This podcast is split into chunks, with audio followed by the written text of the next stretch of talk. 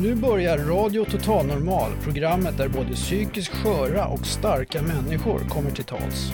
Här är alla röster lika värda.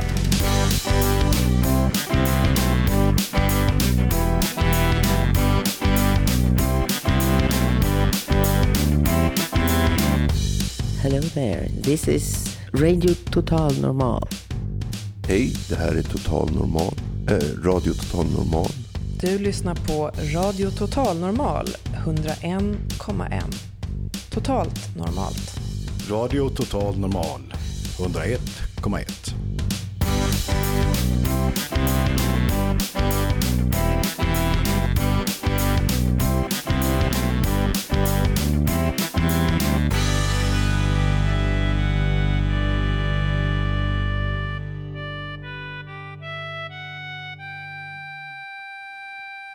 Ja, välkomna då till ett nytt program på Radio Total Normal. RTN, både till gamla och nya lyssnare. Kom gärna upp till oss. Era röster är också värdefulla. Vi sänder från Fountain House på Götgatan 38 och har ni inte möjlighet att komma upp så sänder vi på 101,1. Mitt namn er Håkan Eriksson och jag är programvärd för dagens program. Nu kör vi igång!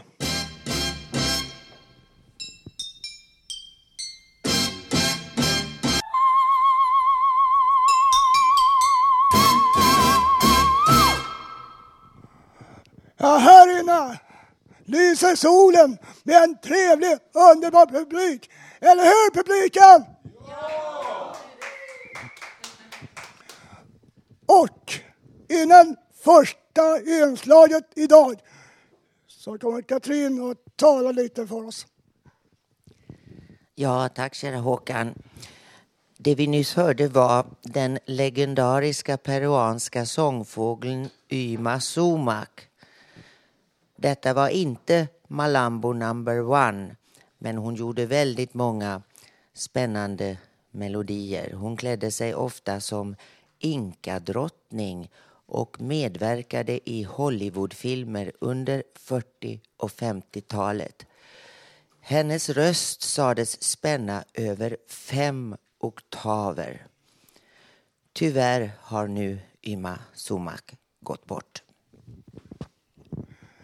Ja, då är vårt första inslag idag handlar om nu ska vi höra en reportage från vår medarbetare Mr X.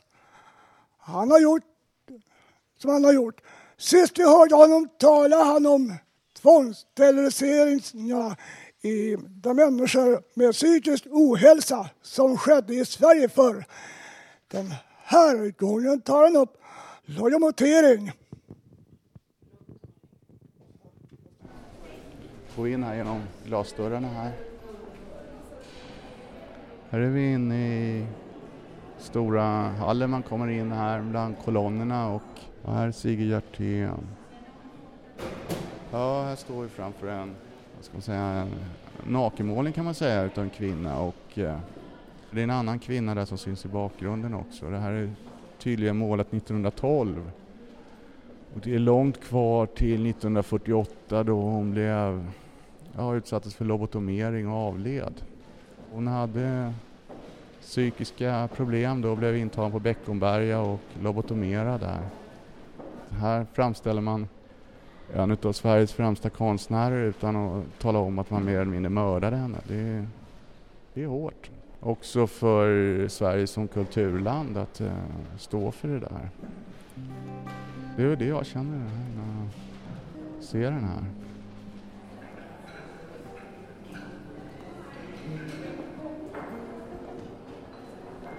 Ja, här presenteras konstnärerna då. De eh, presenteras som modernistiska, att de har gjort modernistiska verk och det har de väl gjort. Då. Inom modernismen är ju olika färger väldigt viktiga, till exempel rött och blått och gult förknippades med olika former. Att det blåa tror jag var, det var cirkeln och eh, det gula var triangeln och det röda var Kvadraten.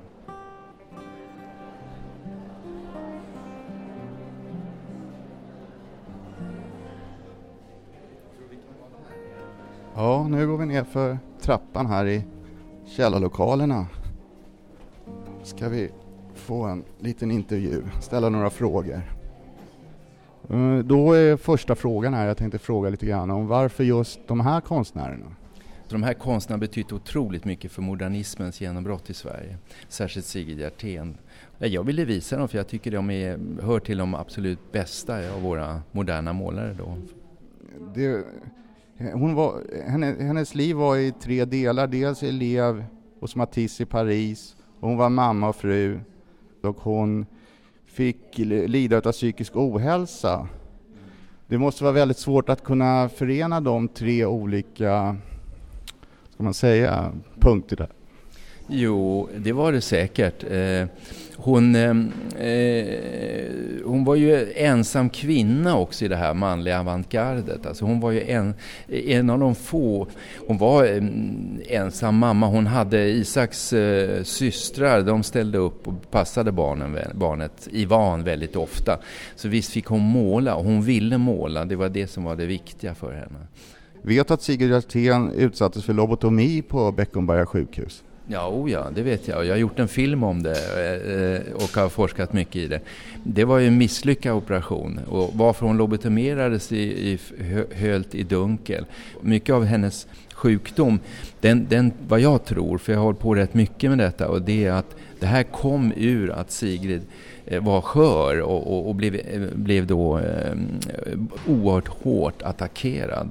Det gjorde att Sigrid tappade lusten att måla på slutet av 20-talet och började igen på 30-talet men så fick hon de här depressionerna och kom in sen på Beckomberga 1932 första gången men sen 1937 så orkade inte Isak längre. Han skiljer sig också och det tar henne hårt och hon hamnar på sjukhus och är tio år på Beckomberga. Och det är ju sorgligt, hon slutar måla alltså 1938. Men det tar inte jag upp i utställningen utan jag slutar ju 1918 så man kan säga att den här epoken då som utställningen ut, ut, utspelar sig, det är 1910 till 18. Ja, ja, och det, du tänker då på deras banbrytande här inom konsten och vill inte göra en livsbiografi över de här konstnärerna. Utan det är, det är ju en, en kort period, men det är deras bästa period.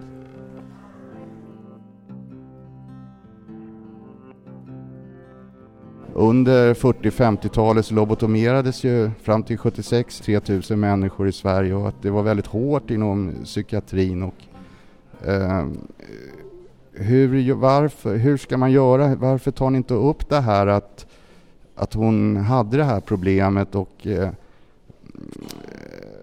hur man ska hantera den här, den här delen av svensk historia? För det kommer ju utländska besökare och diplomater och så. Hur ska man göra? Kan man sopa det här under mattan, just det här du sa om det här? Ja, alltså nu skulle man inte bara se utställningen, du skulle se min film. Den är otroligt stark, för den handlar om detta. Halva filmen handlar om Sigrids problem. Och jag har också skrivit en bok som finns där uppe, som tar upp just detta. Genom att utställningen går till 1918 historiskt, va, så, så tar jag inte upp det själva. Jag har inte några ska säga, målningar som är gjorda på sjukhuset här. Och att den här lobotomeringen gjordes, det är, jag har kallat att man mördade henne. Ja, vi har faktiskt tagit med det. Jag har sagt att hon blev mer eller mindre mördad, så du har tagit ordet ur min mun här. Men hur gör man för att eh, visa på hela människan? Att hon kanske, som jag pratade om, hon hade ju varit mamma och hon, hon var ju konstnärinna och sen så hade hon ju den här sjukdomen då. Men att, hur är hon som en hel människa? Ska man inte framställa hennes positiva sidor också? Bara för att man har en sjukdom så kan man väl vara en riktigt skicklig konstnär. Skulle det inte vara bättre om hon hade fått måla vidare in på 50-talet? Jo, självklart. Det var 30 procent som dog i de här lobotomeringarna. Hon lobotomerades 1948 och där hade man precis börjat. Hur är det då när man ser just, nu har vi pratat om hennes psykiska ohälsa, men eftersom man har gått ut så mycket i media och han har valt det själv så har ju Erland Kullberg gått ut med att han har psykiska problem. Hur skulle du ställa dig till att eh, presentera honom om du skulle göra en utställning med en, kanske honom eller någon annan person i samma situation idag för att undvika det här? Ja, jag skulle väl det tycker jag inget att smyga med att man har, uh, har haft en, en psykisk sjuk eller om man nu är botad eller om man har... Så det finns väl ingen anledning att man ska sopa det under mattan. Det är precis som man har brutit ett ben eller någonting. Jag, jag ser ingen skillnad. Alltså jag, jag menar så att eh, det behöver inte för konsten. Jag har gjort en film om Carl Fredrik Hill. Jag har skrivit om Carl Fredrik Hill som hade schizofreni också. En fantastisk målare. Och också under sin sjukdom. Han målade ju under hela sin sjukdom precis som Ernst Josefsson. Och de, de, de, har ju inte, de anses ju inte sämre målare för det. Ja, man sa på eh, ofta i pressen att det som hände det här med lobotomeringar och steriliseringar att det var den bästa metoden man hade för att lösa problem med psykisk ohälsa för att ut, eh, forskningen har inte kommit längre. Men då kan man ju säga att det tyskarna gjorde på 40-talet var den bästa metoden för att lösa problemet med genetiskt underlägsna. Har du någon kommentar till det? Ja, jag tycker det kan man jämföra ungefär för att jag är otroligt kritisk mot lobotomering. Och jag har sett så mycket eh, och läst om det väldigt mycket att det var ett stort misslyckande. Att man sen också fick Nobelpris i medicin är ju förskräckligt. Va? När man efteråt så här försöker försvara det tycker jag att man inte kan försvara det. För jag tycker det är en otroligt klumpig metod. Och det var ju, för det mesta så, så blev det ju, gick det ju galet på något vis. Man räddade, och vad man gjorde, jag läste en rätt intressant brev från en läkare som sa jo man gjorde det för att få lugnare på sjukhusen för de anställda. Det tycker jag är fantastiskt. Att man offrar människoliv för att de anställda ska få det lugnare på sjukhusen. Ja, fruktansvärt, men eh, ja, nu har vi, vi hoppas att det här blir ett intressant program och vi har väl börjat en debatt kan man väl säga. Fråga, har du något mer att tillägga? Ja, jag ska säga här att eh, det här var en intervju med Anders Wahlgren som har gjort utställningen och ansvarig för den. Och just nu hänger Sigrid Hjerténs tavlor på Liljevalchs konsthall och jag uppmanar lyssnarna att gå på utställningen för att den är unik, att det är en så stor samling av eh, henne och de här konstnärerna från den tidsperioden. Och Sigrid Hjertén var en av Sveriges viktigaste modernister. Och som framgick här så blev hon lobotomerad 1948 på Beckomberga och avled under ingreppet. Och, eh, ja, det hade nog varit bättre om hon hade fått måla vidare. Är det någon som har någon kommentar eller vill säga någonting om det här?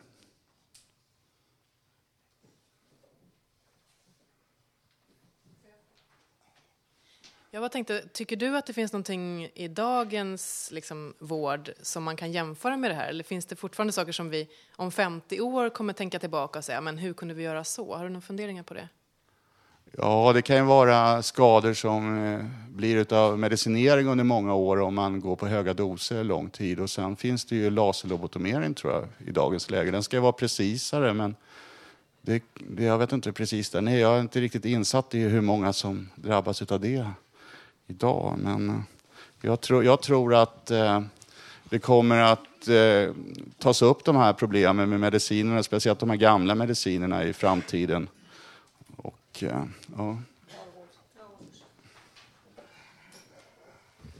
Jag har själv jobbat inom vården. Det säger läkaren öppet. Du ska inte säga till patienten vad, hur ser det ut i hennes rygg eller mage eller så, något som hon kan inte se. Hon kan bli chockad. Ta en bild bara och säg ingenting. Men eh, så är det. Jag har själv varit en sommar bara sjuk. Jag var inte sjuk, jag var arbetslös bara. Men fortfarande har jag inte fått någon diagnos. Nu när jag anmälde min behandlingsansvarig och kontaktperson och ville prata med chefen, då är de jättesura på mig. Varför du har ringt våran chef? Du har den här diagnosen. Jag säger jag vill ha papper på det. Men jag får ingenting. De säger nu när jag är arg och besviken på dem efter två år. Så är det fortfarande så tyvärr. Sjukvården funkar inte som ska. Ja, det är mycket med det där hur man blir bemött av läkare och eh, antagligen, som jag tror, att det är för lite terapi i dagens vård. Jag tror man behöver prata med någon. Det ska inte bara vara mediciner. Ja, det var precis det jag tänkte säga, att jag är lite misstänksam mot det här att man blir ordinerad mediciner och så. Och eh, det är många patienter som inte förstår att de inte är tvångsmedicinerade utan att de liksom eh, inte, inte, inte vågar tänka själv liksom och, och, och göra som de vill utan de blir liksom, man kan bli lite kuvad under läkaren och bara liksom känna pressen på sig att man ska ta alla de här medicinerna fastän man kanske inte mår så bra av dem. Ja, för att i värsta fall så kan ju medicinerna orsaka hjärnskador faktiskt. Om det är för tung medicinering. Jag vet inte, är det någon mer person som har någonting att säga här? Någon i publiken?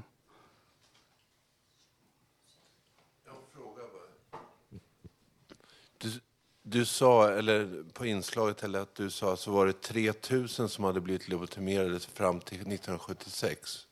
Var, var det, vilket, från vilket, var från är det 3000 totalt under, under historien som har blivit? Ja, det är ett ungefärligt värde. Jag vet inte exakta siffran, om det är 3500 eller något sånt där. Men det är, det är från den här tiden, för att eh, Nobelpriset fick man väl för just lobotomering i slutet av 40-talet.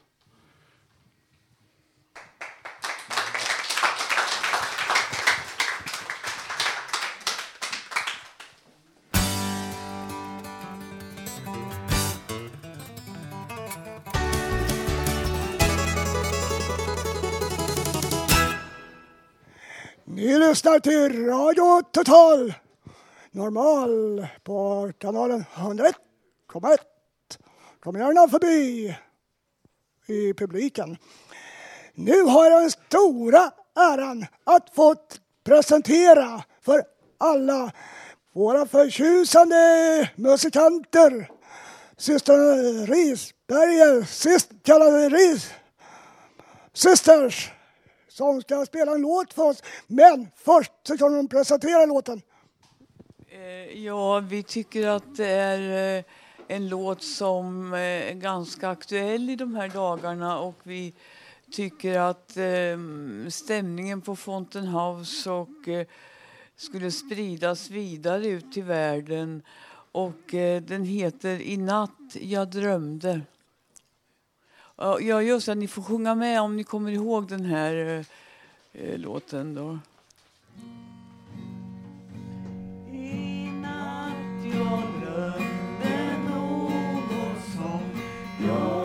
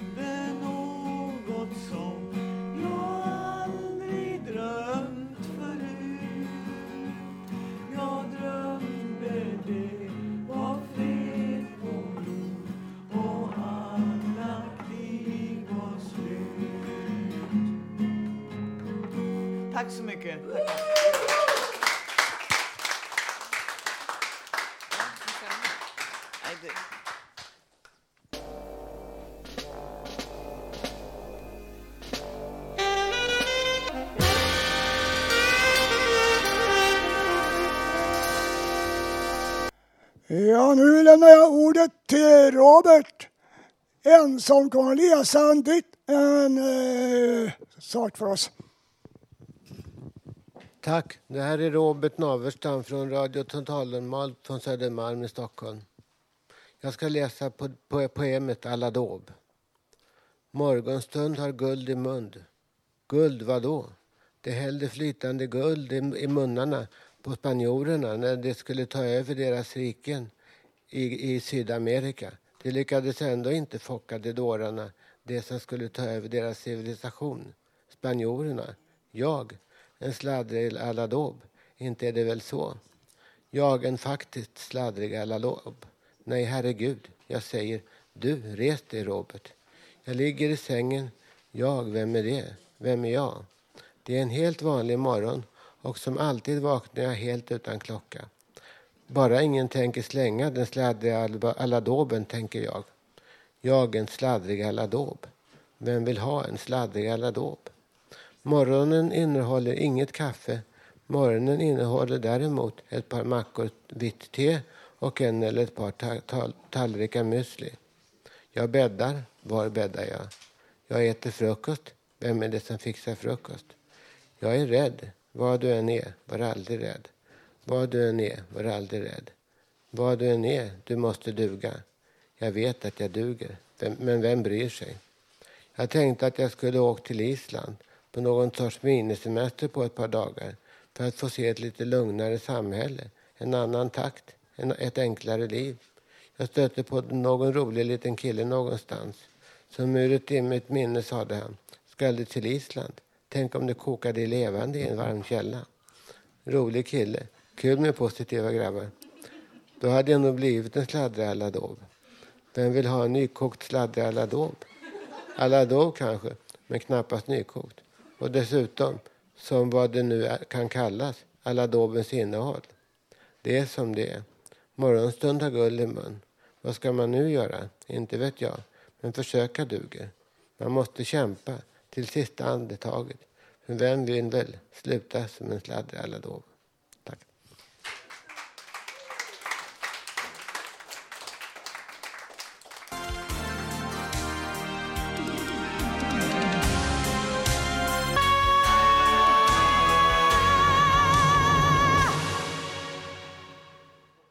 Ja, mina damer och herrar. Ta plats för att nu så ska vi göra en resa till med vår underbara, intressanta dam och reseledare på denna resa är Katrin Lofford.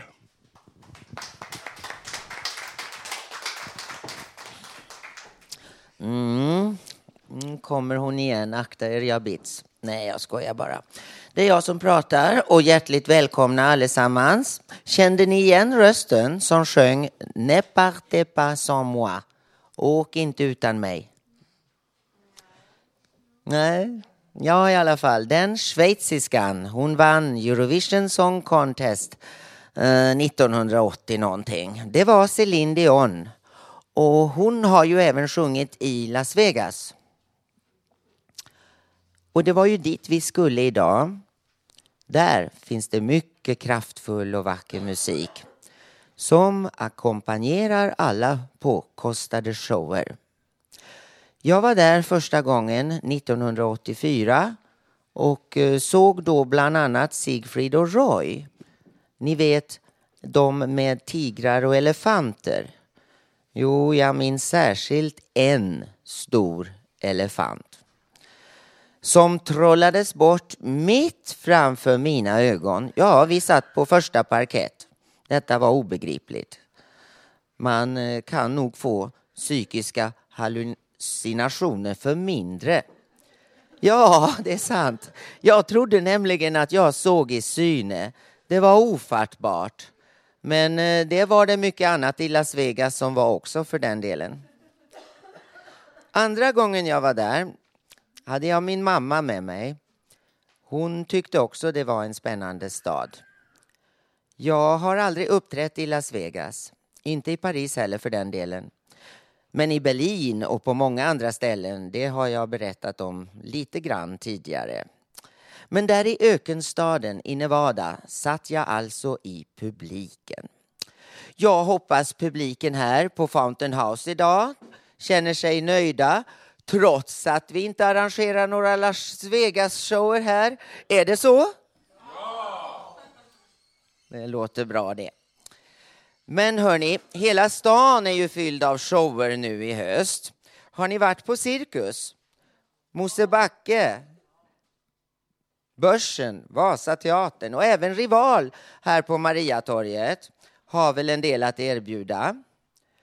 Annars, om inte annat, ja, det går ju bra att lyssna på RTN www.radiototalnormal.se Götgatan 38 varje torsdag klockan 14. Till sist hörni, vill jag säga, kom ihåg. Kom ihåg att ta hand om varandra. Vi bör ha varandra och våga visa stöd. Våga visa lite stöd för människor som kanske är udda, utanför eller helt enkelt bara lite psykiskt sköra. Våga lyssna. Jag lovar, det vinner vi alla på. Mitt namn är Katrin Loford och nästa vecka tänkte jag att ja, då åker vi till Afrika. Hoppas vi hörs då. Puss och kram.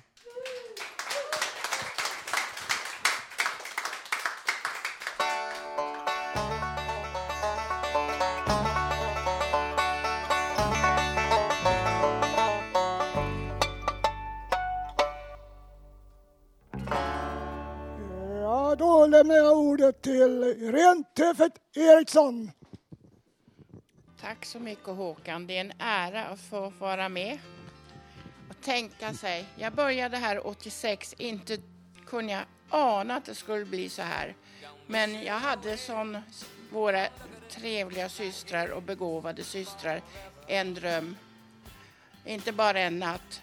Den var lång den där drömmen och den har inte tagit slut än.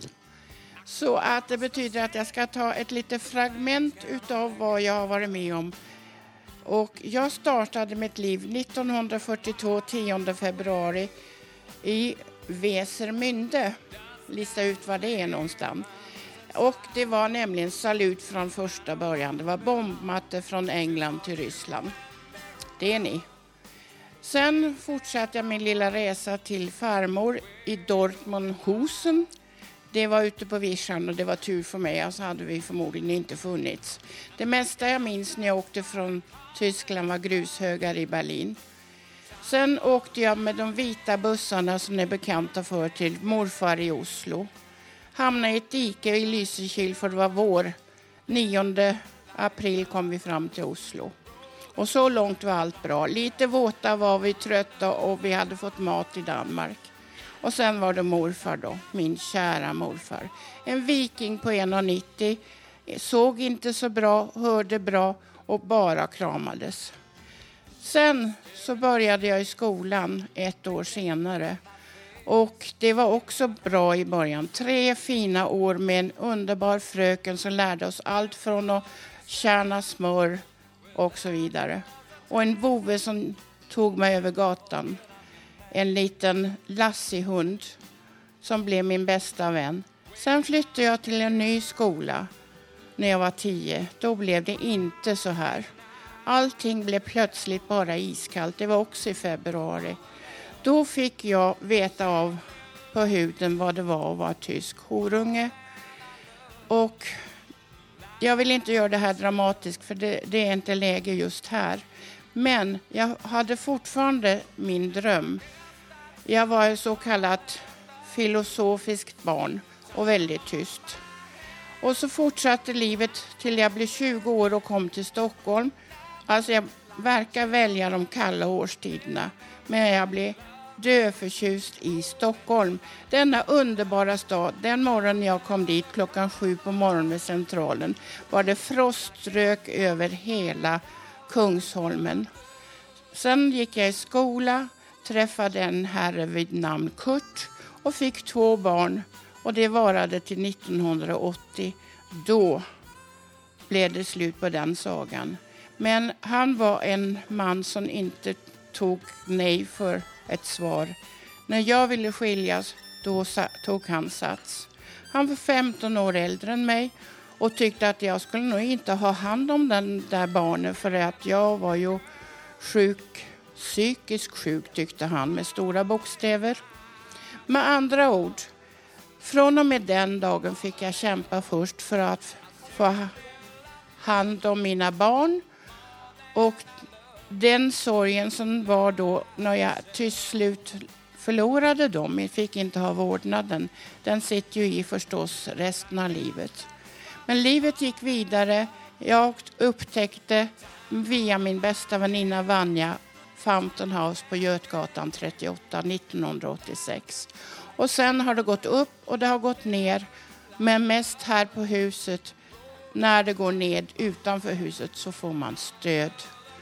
Vi är jämbördiga. Vi har en tradition från USA var fem patienter, 48, satt på en trapp och planerade detta som har blivit världsomspännande. Och det som är trist det är att vi här på Götgatan har funnits här snart i 30 år och det är väldigt få som känner till oss och nu har vi verkligen möjligheten. Men när vi får reda på psykiskt sjuka människor vad det handlar om, då är det stora feta svarta rubriker. Vi här, ingen av oss drygt tusen medlemmar har någonsin gjort en rubrik i tidningen. Om vi vill det så har vi svårt att få dem att komma hit, journalisterna. Och vad jag vill avsluta med nu. Ge inte upp er dröm. Och är ni sköra så finns vi här på Götgatan 38. Ni är hjärtligt välkomna. Och fortsätta att lyssna. Sprid det här att vi finns på närradion. Och sköt om er. Och var framförallt rädd om er.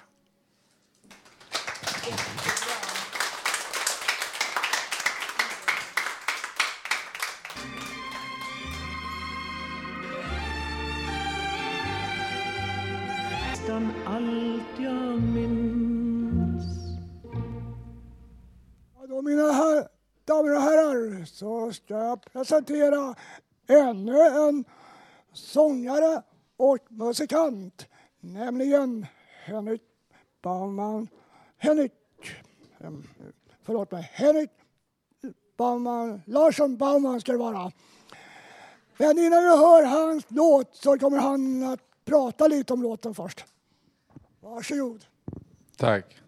Jo, eh, jag har alltid gillat, att, eller alltid och alltid, länge i alla fall, gillat att slå lite på gitarren. Eh, och sen så tyckte jag att jag hade inte kommit någon vart, så då gick jag och lånade en bok på bibblan om hur man spelar gitarr. Och nu har jag lärt några ackord och nu ska jag försöka att spela upp hur det låter med mina ackord. Och nu till låten. Min hatt den har tre kanter. Tre kanter har min hatt. Och har den ej tre kanter Så är det ej min hatt.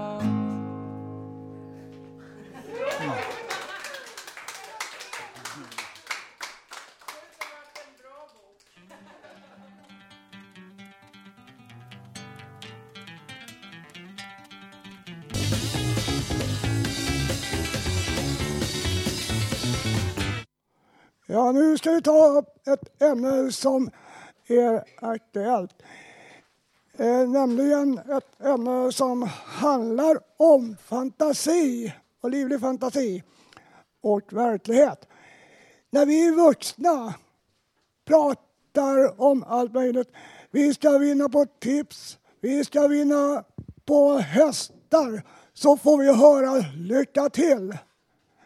Men när barnen kommer och säger att de har problem i skolan och de mobbar dem och allt möjligt annat så får de höra att de har livlig fantasi. Så jag har ett par publikfrågor som jag tänkte ställa. De är, har vi vuxna glömt bort att barnen är vår framtid? Tar vi dem på allvar eller underskattar vi dem? Hur talar vi om för dem vad som är rätt eller livlig fantasi? Och sista frågan. Har vi vuxna glömt bort att både vuxna och barn har drömmar. Är det någon här som har något att säga om de frågorna?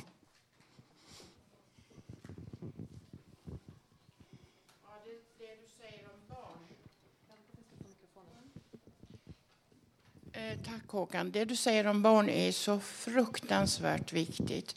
Alltså man ser de Senast igår hörde jag att barngrupperna på fritids blir bara större och större. Och det är inte frågan om barnpassning snart ens. Det är frågan om det inte är fara för deras liv och, och hälsa med tanke på att de kan skada sig. Alltså är det dags nu att vända på kuttingen och säga Barnen måste gå först, det är vår framtid. Satsar vi inte på dem när de är små så blir de fruktansvärt dyra för oss i slutändan. Någon mer?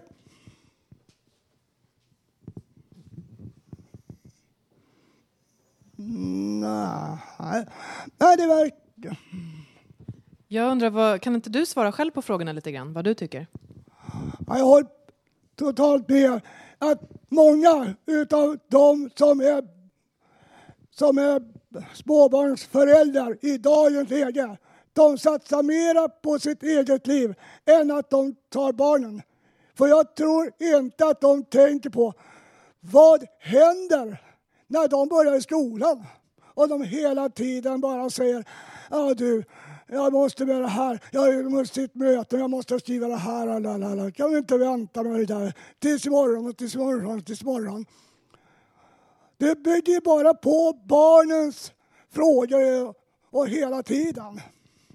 Och jag tror att då känner de sig undanskuffade.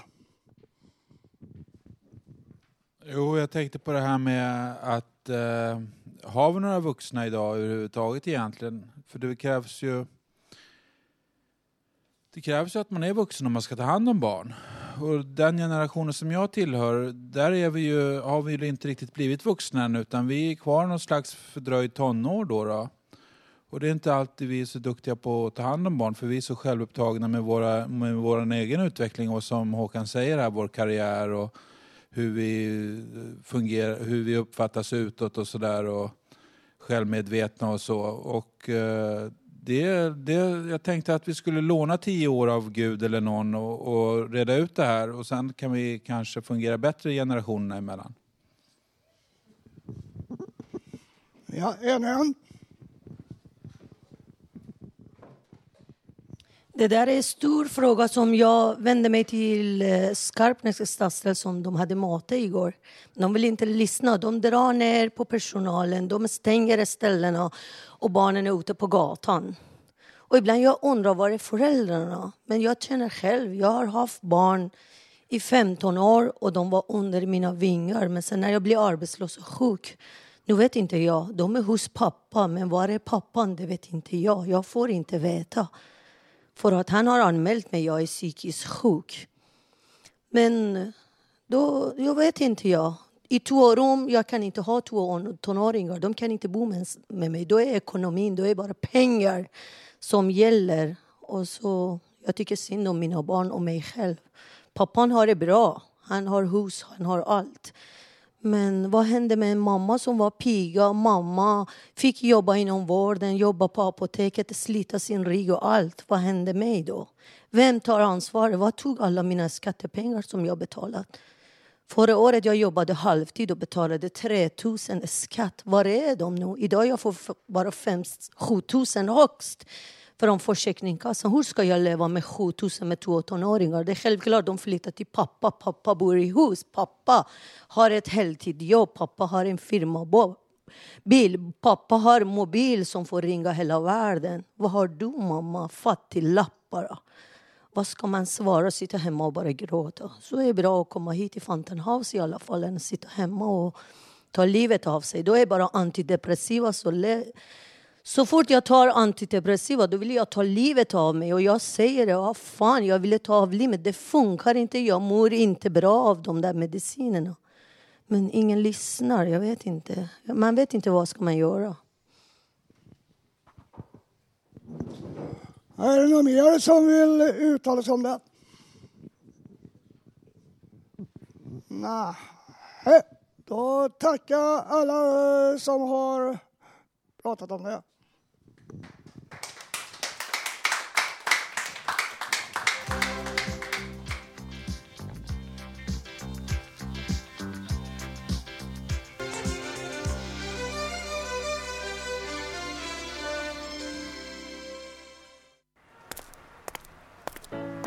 Rakt in från Stockholms gator. Nya frågor från Radio Total Normals reporter Janne.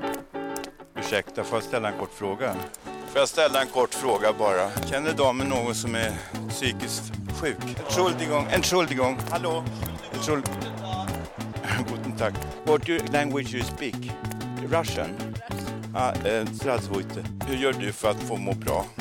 Ingen aning kompis. Nej, men det spelar ingen roll. Vet du. Om normala människor är tråkiga Ja, så tack är jag så inte mycket. tråkig. Hur mår du? Bra. Hur mår du? Bra. Ja, hur mår du inte? Jag mår inte dåligt. Bra, tack. Ja, kanske, ursäkta. Är du rädd för oss? Är du rädd? Nej, det behöver du inte ha det minsta. Hur, hur mår du? Hur mår du? Jag mår bra. Ja, hur- mår du inte? Ja, jag mår inte, inte bra. Inte dåligt och inte bra. Ja, vad bra. Ha det så bra. Detsamma, tack. Hej. Hej, får jag, får jag ställa en fråga? Ja, det är ingen konstig fråga. Hur mår du? Jag mår faktiskt bra. Ja, hur mår du inte? Vad sa du? Hur mår du inte? Hur mår jag inte? Inte dåligt. Ja, vad bra, tack så jättebra svar. Du tycker det? Ha det bra. Detsamma, hej då. Hej. Ha det bra. Ja, hej då detsamma, vad kul. Det var jättekul det här. Ursäkta. Salam, salam, salam. Talar ni svenska? Arabiska. Hur mår du? Arabiska? Ja, arabiska. Och alhamdulillah. Mår ni bra i Sverige? Är det jobbigt att bo i Sverige? Nej, jättebra, jättebra, jätteglad, jättetrivs. Jag trivs här. Och trivs du också här? Ja, jag också. Jag det? trivs. Och ja. du också, trivs du också här? Mm. Och du, är du också, eh, va, vem? Jag är faktiskt från Tyskland. Alltså, va, välkommen, välkommen nach Schweden. Hej, får jag frå- ställa en fråga till dig? Du ser så glad ut fast du står har, Hur mår du? Jag mår bra. Hur mår du inte? Hur, mår, hur jag inte mår? Ja. Eh, dåligt. Inte dåligt? Nej, det tycker jag Det, inte. det är alltså bra då? Ja, det är bra. Ja, Hur känns det att må bra då? ja det känns bra. Ja, men att man lever och mår väl. Ursäkta, får jag ställa en fråga? Eh, eh, Hur mår damen? Jag mår ganska bra. Vad är det som gör att damen mår bra? Ja, jag är frisk, känner mig frisk. Vad härligt. Vad glad för. Tack hej. Ursäkta, jag får ställa en fråga till dig. Hur mår du? Jag mår faktiskt rätt bra. Ja, vad är det som får dig att må bra? Jobbet? Ja, något mer då? Nej. Inget mer har, har du... Snart helg. Onsdag. Ja, vad bra, ja, tack då. Ja, det är lugnt. Ursäkta, får jag, damen, får jag ställa en fråga? Ja, vadå? Ja, det är bara en kort fråga. Hur mår du? Jag mår bra. Vad är det som får dig att må bra? Ehm, att jag är jag. Ja, bra, tack. Det var det bästa svaret. Det var det bästa svaret, att jag är jag. Alltså. Ursäkta dam, får jag ställa en fråga? Varför det? Nej tack. Vad tufft, man måste vara skjutjärnsjournalist alltså. Klara det. Får ju vara som KG Bergström med de där höjdarna, eller vad de håller på med. Hon går här då. Nej, hon... Ursäkta. Nej, försvann in på... Så fort hon ser det har hon en anledning att gå in. här. Ska hon köpa? Vi kan gå och kolla om hon köper eller om hon bara går in där för att hon är rädda för oss, rädd för oss. Ursäkta mig. Ursäkta mig. Får jag ställa en fråga? Hur mår du? Bra. Hur mår du inte? Inte bra. Vad är det som gör dig att få må bra? Eh, mina barn, familjen, vänner. Något mer kanske? Nej, det är främst det. Vet du vad psykisk sjukdom innebär? Ja, det kan väl vara alla möjliga sätt att inte må bra på. Kan du säga något exempel kanske du känner till? Depression. Har du hört något mer? Psykoser, schizofrenier? Ja. Har du jobbat med sånt? Du verkar kunna mycket. Eh, nej, jag har inte jobbat med det. May I ask you a question please? Uh, how do you feel? How do I feel? How are you? Oh, I'm fine, thank you. How are you? I'm fine too. But um, in what ways uh, do you feel well? In in any way. But in any way, is everything perfect in your life? I think so, yeah. Thank you very much. Hur mår du? Jag mår rätt bra. Det går lite i vågor. Jag var för förlovad och gjorde slut. Jag, trivs bra på Fountain House. Var på ragga tjejer och så här. Jag mår i stora sett rätt bra. Jag är lite, lite formsvackt så det går lite upp och ner sådär. Min största önskan är här det är att ha, tjej, kan ta charter till Mallis. Så jag kan- jag kan köpa en bil och sådär. Nej, man har ju drömmar och visioner fast man har varit med om det här i 40 år nu så får man härda ut livet. Det får ju alla människor göra. Det finns ju de som har värre handikapp. Nej, jag är väldigt tacksam för att jag inte är sämre än vad jag är nu. Så att det är ju väldigt skönt att det kommer nya läkemedel. Och de här nya läkemedlen är mycket, mycket bättre och mildare och eh, mindre biverkningar så man går att ta dem överhuvudtaget. Det gick inte förut. Men blev man så dåsig, man låg ju bara på sängen i stort sett. Nej, nu får det räcka. Tack så jättemycket.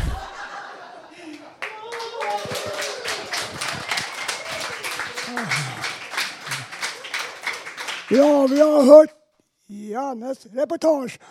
Och nu har jag en fråga om det i publiken här inne. Om det är någon här som vill eh, säga någonting som rör det reportaget.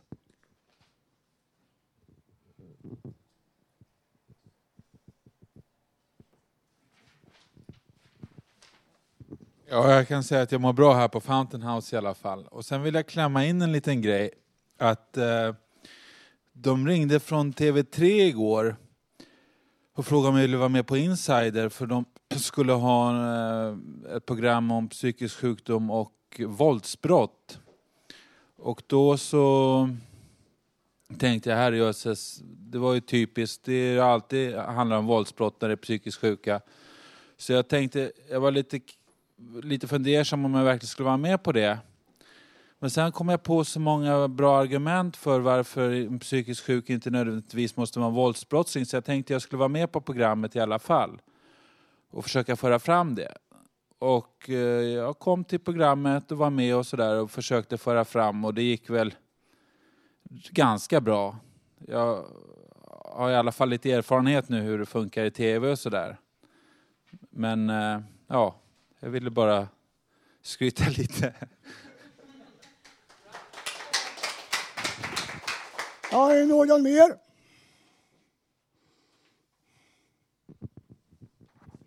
Jag vill knyta an till det som Henrik sa, det där med, med tv. Eh, De är väldigt nyfikna på oss. Och han fick ju en inbjudan, men när man väl kommer dit så får man inte prata fritt. Det ska liksom ja, klippas och hit och dit. Jag själv kämpade för vår överlevnad här i Fountain House för några år sedan och fick komma med i deras nyhetsprogram, alltså på TV3. De hade det då på den tiden. För då hade vi det kärvt på flera sätt. Vi höll på att förlora huset och vi hade dåligt om pengar och vart skulle vi ta vägen? Så det blev ett väldigt bra litet klipp. En halvtimmas intervju och sen blev det tre minuter. Så då förstår ni hur bra det blev för mig. Ja, är det någon mer? Ja, jag tänker lite grann på det Henrik sa om det här programmet, att man tror att psykiskt funktionshindrade är farligare än andra människor. Det är de inte, inte i statistiken i alla fall. Så att eh, man måste göra någonting åt de här brotten som så kallade friska personer gör. Ofta alkoholrelaterat och sådär i krogköer och bankrån och så vidare. Det, det, om, man, om man gör någonting åt de brotten så gör, fixar man ju så att 90, över 90 procent av brotten försvinner, kanske 99 procent av brotten försvinner. Ja. Ja, jag, tänk, jag tänk, tänker mycket nu på det här hur vi, vi med, för, med psykiska funktionshinder ska komma ut i samhället och få folk att se att vi är inte våldsbrottslingar utan vi är folk som kämpar på med och arbetar med oss själva. Och, och eh, om det är någon som har någon idé så får, får ni gärna kontakta Total Normal så ska vi arbeta vidare på det.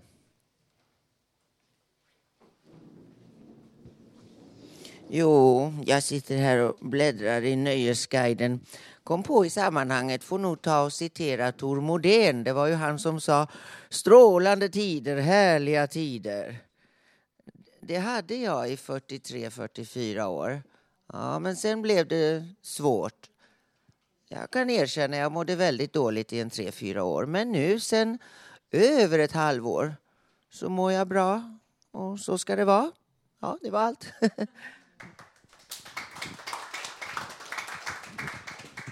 Är det någon mer som har något att tillägga? Om inte så hörde vi i inslaget att vi här alla mår bra, de flesta ute. Men vi har en utav våra vänner här på är font här som inte mår så bra idag. Så att vi på Radio Total önskar dig, Arne Gerlufsson, om du hör programmet, krya på dig från oss allihop.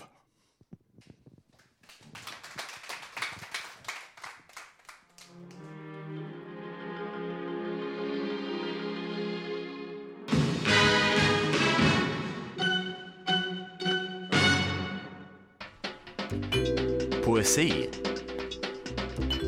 i Radio Total Normal. Ja, nu presenterar jag Francisco som ska läsa en dikt för oss. Hej, jag ska läsa en dikt som heter Jag vill tacka livet av Violeta Parra. Jag vill läsa detta dikt därför att författare uttrycker vad livet betyder för henne. Jag vill tacka livet som gett mig så mycket. Det gav mig två ego. Och när jag de ögnar kan jag klart urskilja det svarta från den vita och högt där uppe himlens mantel strål med stjärnor i mängden människor, den som jag älskar. Jag vill tacka livet som gett mig så mycket. Det har, mig, det har gett mig hörsel som i all sin vidhet fångar natten och dagen.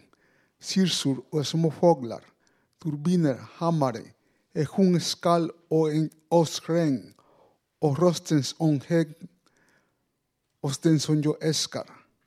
Jag vill tacka livet som gett mig så mycket. Det har gett mig ljudet och hela alfabetet så att jag fick orden för tankarna jag tänker, moder, vän och broder.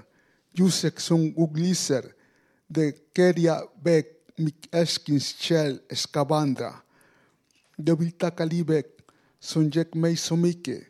Det gav mig lång vandring för så trötta fötter. Jag gick genom städer, genom djupa vatten, över stränder, berg, i öknar och på släckt land, hem till ditt hus och dina gröna ängar. Jag vill tacka livet som gett mig så mycket.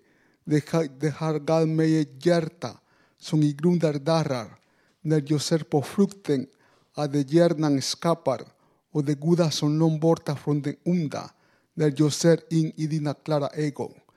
Jag vill tacka livet som gett mig så mycket. Det har gett mig skrattet. Det har gett mig smärtan så att jag kan skilja lyckan ifrån sorgen. De två ting som skapar alla mina dikter.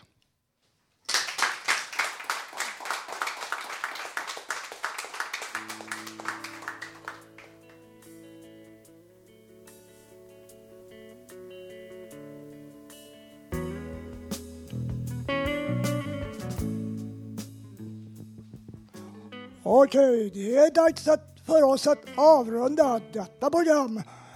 Jag har haft en dröm att man kunde stoppa tiden. Men tiden, det är som ett framrusande tåg som har kommit fram till dagens slutstation. Ni har hört en sändning av Radio Total RTN. Radio Total ingår i ett samarbetsprojekt med två andra radioprogram. Det är Radio Galen. Ni hör dem på www.radiogalen.se samt Radio Tortholm De sänder på måndagar klockan 20 till 21.00 på kanalen 88,9. Vi som har jobbat idag på Radio Total Normal är producent Idi Maciel.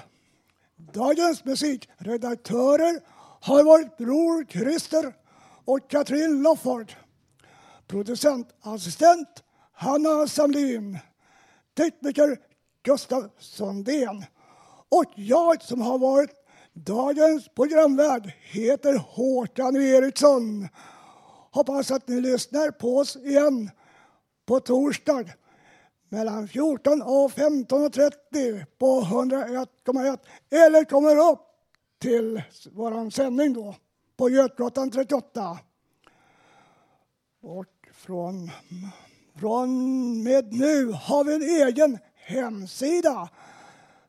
www.radiototalnormal.se och vi avslutar med en låt av Fatima Reine med det lämpliga namnet Hej! Hej från Radio Total Normal.